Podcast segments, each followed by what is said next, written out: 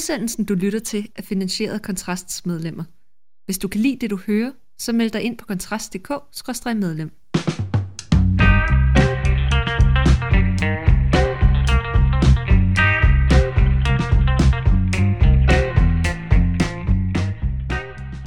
Velkommen til den aller, aller første udgave af Fyraften med Kontrast i det herrens år 2023. Mit navn det er Mikkel Andersen, og med mig i studiet har jeg, tada, Kontrast nye direktør, Rasmus Ulstrup Larsen. Ja, yeah. Tillykke med det. tak. Der sker jo ting og sager på det lille medie her i år. Det må man sige. Og øh, der kommer til at ske rigtig mange flere ting. Der kommer til at ske, der er mange spændende ting i, øh, i, gry, i gryden for tiden. Vi kan jo ikke afsløre faktisk noget som helst, Nej. vi skal være helt ærlige. Så det er vildt spændende for lytterne det at er høre. vildt spændende at høre, men ej, hvor er der meget, I kan glæde jer til af alle mulige øh, tiltag, både journalistisk og i andre henseender. Men ellers, så kom du godt i gang, med øh, 23? Ja, jeg synes, det var noget hård øh, øh, dato, eller dag på ugen. Øh, Nytåret, det faldt i år med, med, med arbejde her mandag den 2. Men det er, jo, det, januar. er jo, det er jo en arbejdsgiver, jo. Det, er Ja, jo det, det- det, du det- kan du jo være godt tilfreds Ja, med. i dag kan jeg så øh, glæde mig over det, fordi nu har I ikke ferie, Nej, man skal det har vi producere i stedet for. producerer her jo, og Ja. så er det jo heldigt, at... Jeg hørte over hos Pio fra Kilder, at der holder de fri i dag. Nå, Ja. ja. de holder på øh, det, det socialdemokratiske Ja. menighedsblad, eller so, undskyld, hvad er det? Demokratisk socialistiske menighedsblad, ja. som man jo vist bør Der kalde det, tror Der jeg. producerer man ikke, som man gør i borgerlige medier. gør vi naturligvis her på borgerlige medier. Ja. Men ja, jeg kom også meget godt ind i nytåret, synes jeg, men øh, så vågnede vi op til, øh, til, til sådan den, den måske ikke helt uventede, men dog stadig lidt triste nyhed om, at øh, Lise Nørgaard, skaberen af Matador, mange år i journalist og alt muligt andet, Cepos-pris modtager, og jeg ved ikke hvad, hun, øh, hun er afgået ved, ved døden i den, i den meget, meget, meget præsentable alder af 5, 105 år. Ja, det er godt nok imponerende være født i 1917, Ja, og så dø i det er 2022. nok ja. Det er, det er ja. Altså tænk, at hun, hun blev simpelthen født før Første Verdenskrig Hun, sluttede. hun, hun har vel den alder, som de små børn, altså Varnes børn, har i starten af Matador. Ja, det vil det vel være, ja. Ja altså, den, den starter, starter jo i midten af 20'erne, starter eller sådan midten af midt slut 20'erne, ja. ikke? og så har de jo børn på de der 10 år, eller sådan noget. Så hun har, det har været hendes, Det har været hendes egen barndom. som er vores, mine bedsteforældres forældre, Mm. der er de små børn, så at sige, rent aldersmæssigt i serien der. Og nu skal man jo ikke forklare en, en lang karriere, som, som er gået i utrolig mange retninger, men, men det er vel Matador, som er hendes, hvad skal man sige, det hun primært Ja. vil blive erindret for. Det kommer Ja. vi vel ikke udenom. Nej, og det er fordi, den er så fremragende skrevet. Fordi hun viser jo, det er jo, hvordan skal man sige det? Hun viser industrialiseringens betydning for de strukturer, der gør sig gældende i samfundet.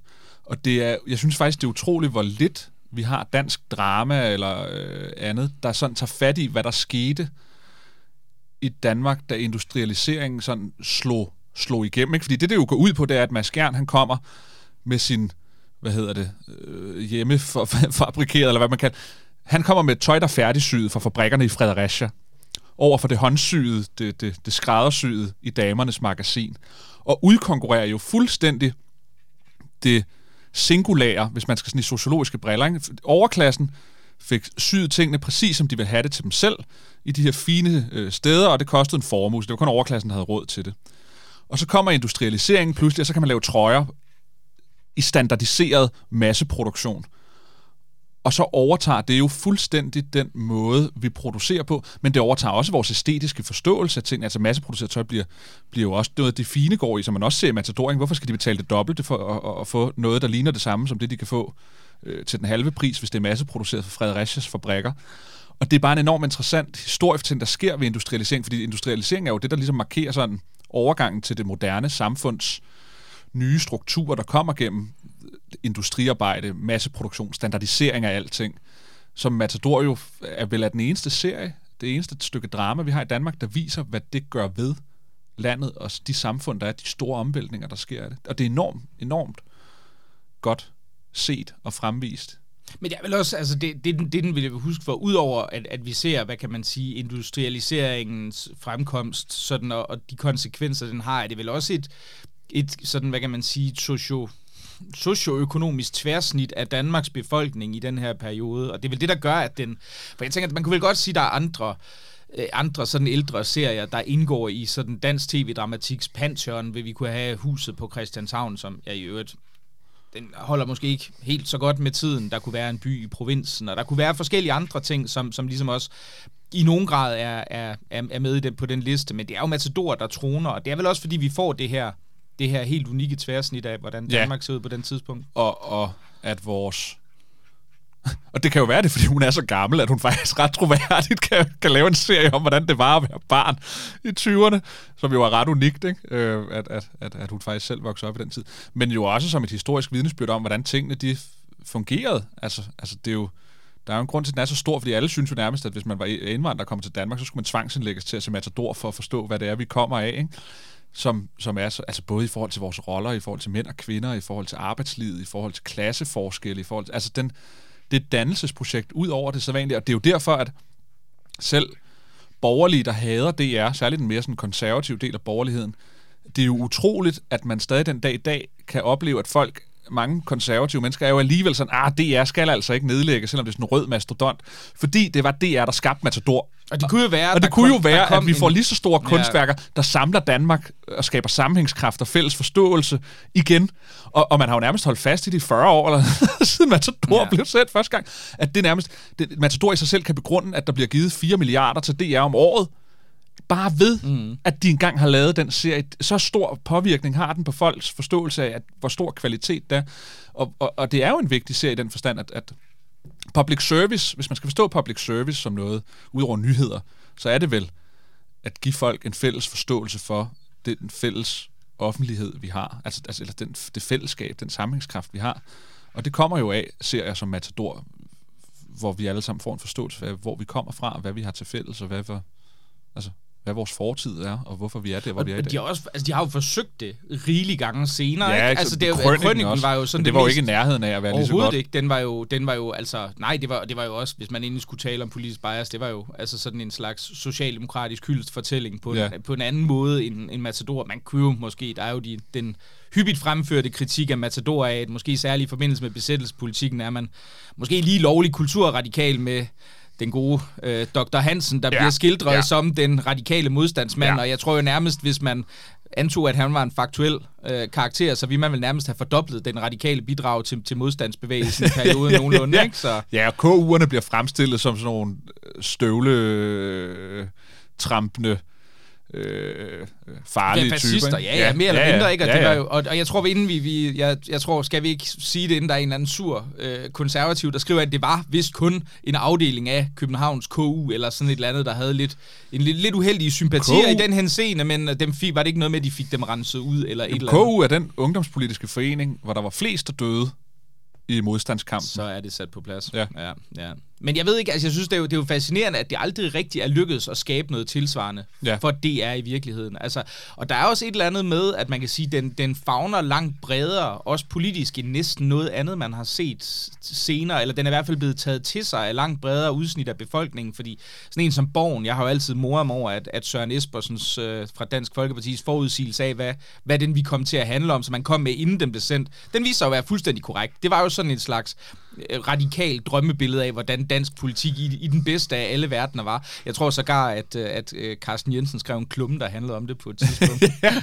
men, Hvis bare det var som men, men det er jo det, der gør Matador så godt, ikke? det er, at, at en ting er, at det jo er, er både er politisk og sociologisk studie, men det er jo også et menneskeligt studie, fordi ham, der, der er nogle kulturradikale tendenser, men der er jo ingen så i tvivl om, at det mest sympatiske menneske i serien, det er Hans Christian Varnes, den her konservative, ordentlig bankdirektør. Det er jo ham, alle kan sidde på tværs af alle politiske fløje og sige, det er en god mand, det der. Ikke? Ham ville vi alle sammen gerne være som. Ikke? Han har sin fejl, sin menneskelige fejl. Han er utro for en affære, men han ved det forkert. Ikke? Og han synes, men åh, hun er jo så sød, hende, den unge dame nede i banken, ikke? og han kan jo ikke holde sig øh, øh, fingrene fra hende. Ikke? Og han, han er jo voldsomt påvirket af, at han bliver nødt til at hjælpe hende med at få en abort, ikke? og siger jo til sin egen, at det er hendes egen søn, som har gjort en kvinde gravid, og så vil han gerne forlade hende. Ikke? Og så siger han, nej, du må, du, du må blive der og gøre det. Og så siger søn, hvorfor kan hun ikke bare få en abort eller eller andet? Og så siger han, fordi det vil du aldrig kunne tilgive dig selv for. Ikke? Så der er en mand der, der ved, at han har syndet, ikke? Og, og, og ikke vil have, at hans børn skal gøre det. Altså, han er så dybt sympatisk hele vejen igennem. Og, og det er jo, der er jo en hyldest til den konservative, ordentlige mand. Og faktisk så havde vi jo faktisk hans, hans barnebarn, han hed jo Kasper Jul Hansen, så vidt jeg husker, ham der spiller Hans Christian Vand. Hans barnebarn Emma Jul Hansen stillede faktisk op for det konservative folkeparti her i det nær, netop, overstået folketingsvalg. Det opdagede jeg først til, at hun, hun var, og hun sagde faktisk i et interview, så siger hun, hvis min farfar havde, øh, at hun havde aldrig spurgt ham, hvad han var, men hun var sikker på, at han var konservativ i det private liv også. Så det, det er jo meget godt. og med således en, øh, en posthum hyldest til, uh, til, til Sali Lise Nørgaard for at have skabt måske den eneste sympatiske konservative karakter på uh, DR nogensinde ever. Så tænker jeg, at vi skal videre og måske se lidt nærmere på, uh, på statsminister Mette Frederiksens uh, ja. nytårstale, som hun jo holdt her den 1. januar fra Marienborg klokken, klokken 18. Og det var jo så den første tale, som hun, hun sådan ligesom kan holde som statsminister for regeringen Frederiksen 2, der jo altså som bekendt inkluderer ikke alene Lars Løkke Rasmussens moderater, men altså også Jakob Ellemann Jensens venstre. Ja, jeg ved ikke helt. Jeg må indrømme, jeg synes jo, jeg synes jo det var en, en ikke specielt påfaldende tale, hvis jeg skal være helt ærlig. Jeg synes ikke, der blev lagt nogen pejlemærker ud, hvor jeg sad og tænkte, hold da op, her kan jeg se, at, øh, at det er en samlingsregering, som, øh, som statsministeren nu står i spidsen for. Hun slår lidt på nogle mærkesager med utilpassede unge. Hun, hun har en virkelig, og i øvrigt meget fin intro, hvor hun ligesom redegør for udfordringerne og, i forhold til Ukraine og behovet for at være solidarisk med Ukraine. Det er alt sammen meget fint. Men jeg må indrømme, da jeg sådan sad og så den, så sad jeg og tænkte, det var ikke sådan et, det var ikke sådan et toneskift, som jeg vi har en formodning om, at man måske har siddet øh, i, øh, i Venstre og hos Moderaterne og, og havde håbet på. Altså det her, det er jo landsmoderen, der taler, og ud fra et nok umiskendeligt socialdemokratisk perspektiv, hvis jeg skal være helt ærlig. Ja, altså jeg synes jo, der er meget sådan... Hun sidder her og citerer sange, eller digte, ikke? Det er jo Anne Linnet, hun citerer. Ja, det tog vi dit jo strengt taget, ja, ja, men ja, ja, ja, ja, ja, ja. barndommen skade. Altså, den er meget... Øh, den er meget, jeg ved ikke, om man kan kalde den følsom, eller sådan, den er sådan eksistentiel. Ja, den er, den er sådan, at hun er lidt op på de høje poetiske ja, navler. Øh, nu det er ikke ligesom, når Lars Lykke, han varsler reformer af efterlønnen, eller, eller i sin nytårstale. der, der, var Nej. ikke meget citering af Tove Ditlevsen i de sammenhæng. Nej, altså hun, hun har jo det her med de her udsatte børn, og det er jo også et, et tema, som, som hun, hvor hun citerer Tove Ditlevsens øh, øh, barndommens skade med det her, du gav mig de vagtsomme øjne, ja. og hvor hun så slår på, jamen hun har set de børn fra de socialt udsatte øh, kår fra underklassen, der har de her vagtsomme, ængstlige øjne, fordi de er blevet omsat, øh, udsat for, for forskellige former for svigt, og dem skal man altså løfte. Og det har hun jo slået på tidligere, også øh, øh, som, som statsminister, hvor hun, man har sagt, hun vil gerne være børnenes statsminister, og, og hun har, har ønsket at prioritere det højt. Og det synes jeg, det er, jo, det er jo meget fint, det er jo ikke det, men der er jo ikke meget sådan sværpolitisk anstrøg af det. Men du er ret i, den er, den er også lidt poetisk. Hun slutter også af med at citere, at, øh, at man skal huske, at dejlig er jorden især i en usikker tid. Det er jo sådan helt... Så mangler man bare at sige, at slægt skal følge slægters gang. Så præcis, havde den været endnu bedre. Præcis. Og det er måske også meget fint, når man nu står for at skulle skære øh, store bededag ud. Ikke? Så kan man ligesom slå på, øh, på, sin, øh, på sin credentials i forhold til, til de danske salmer. Altså, der er, noget, der er noget ved det, hun siger, det er jo allerede, det var også i regeringsgrundlaget, som, som jeg er lidt bekymret for, det er, at hun snakker om, hun kommer ind på, på folkeskole, uddannelse, altså det med, at der er flere, der skal tage en erhvervsuddannelse. Og det er rigtigt, det er fuldstændig rigtigt, at der er flere, der skal vælge erhvervsuddannelserne til, og flere, der skal vælge gymnasierne fra.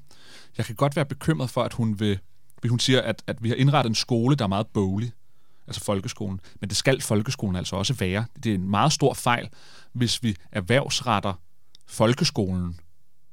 Altså folkeskolen skal være boglig, og så er det derfra, man begynder at gå ud af sin, hver sine grene i forhold til, hvem man er erhvervsuddannelse eller hvem man er gymnasium. Vi skal ikke gøre folkeskolen mindre boglig for at få flere til at tage en erhvervsuddannelse. Folkeskolen er den stamme i et træ, som alle har til fælles, og så derfor kan vi sige, okay, jeg vil gerne noget med mine hænder, eller jeg vil gerne videre på gymnasiet. Men, men jeg, jeg er lidt nervøs for, at, at det, hun lægger op til, det er at gøre folkeskolen mindre boglig for at få flere ud på erhvervsuddannelser. Fordi det er sådan set ikke... Altså, øh, øh at, at være brolægger er altså ikke noget, man skal lære i folkeskolen. Nej, men altså, som, som, som, altså den passage, hun, hun taler jo om det et, et, lidt længere tid, men, men det, der hun ligesom opsummerer det som, det er jo sådan noget med, at, at erhvervsskolerne, en erhvervsfaglig uddannelse, skal være et førstevalg for langt flere. Mm. Og det er vel et eller andet sted, der vil hendes argument vel være, hvis jeg skal forsøge at sætte mig ind i, i statsministerens sko, øhm, der vil det vel være, at på en eller anden måde er det også nødvendigt at gøre noget i folkeskolen, der gør det mere attraktivt at gå i den retning. For det er jo faktisk efter 9. klasse, at man skal vælge en række af de, Ja. af de erhvervsfaglige uddannelser. Og lige, lige nu vil man med, med nogen ret kunne sige, at folkeskolen er en maskine, der over de sidste 40-50 år i stadig stigende grad har proppet folk ind på STX. Altså gjort, at Ja. det var det oplagte Men- første men- valg for, ja. for en meget stor del, Ja. og stadig stigende, stadigvæk. Ja. Og der vil jeg bare gerne advare imod at, at lave den analyse, at det er fordi folkeskolen skulle være blevet mere boglig. For det er den ikke blevet. Tværtimod er den blevet... Min, altså, der er, den er blevet mere kreativ på alle mulige nederen måder. Men, men det er ikke fordi, den er blevet mere boglig, at folk vælger STX til. Altså, så man skal ikke tro, at, at, at, at problemet på, at der er for få, der vælger en erhvervsuddannelse, ligger i, at der ikke er nok erhvervsrettet fag i folkeskolen. Det er ikke der, den ligger. Nej, men der er vel en, et eller andet med, nu kan man så sige, øh, jeg ved ikke præcis, hvad det er for nogle tiltag, det er jo også meget, meget lidt konkret, det hun fremlægger i talen, men der er vel et eller andet, der skal til. Der er vel et eller andet, man skal gøre så for at, at sige, altså på en eller anden måde højne statusen, eller gøre det mere attraktivt, eller, eller alt muligt andet at komme ind på, på, på de erhvervsfaglige uddannelser, fordi jeg, jeg kan da huske fra min egen folkeskoletid, og det er jo tilbage i et helt andet årtusind efterhånden, ikke? Altså, der vidste vi da godt, at det at gå på teknisk skole, ah, Ja, ja, ja, altså så meget bestemt. hasrøg vi trods alt heller ikke, vel? Så Ja, det var da ikke, ja, ja, det, var da ikke ja, det, der var ja, det ja. oplagte første valg, vel? Nej, nej. Og, og jeg har ikke løsning på det, men løsningen bliver ikke, at, og det er heller ikke det, hun lægger op til, men alligevel øh, kan man få den frygt, at, at løsningen det er ikke at gøre folkeskolen mindre bog. Altså folkeskolen er fagligt allerede i forvejen for svag. Altså der er for mange, der ikke læser godt nok. Der er for mange, der ikke regner godt nok. Der er for mange, der er fagligt fuldstændig uvidende.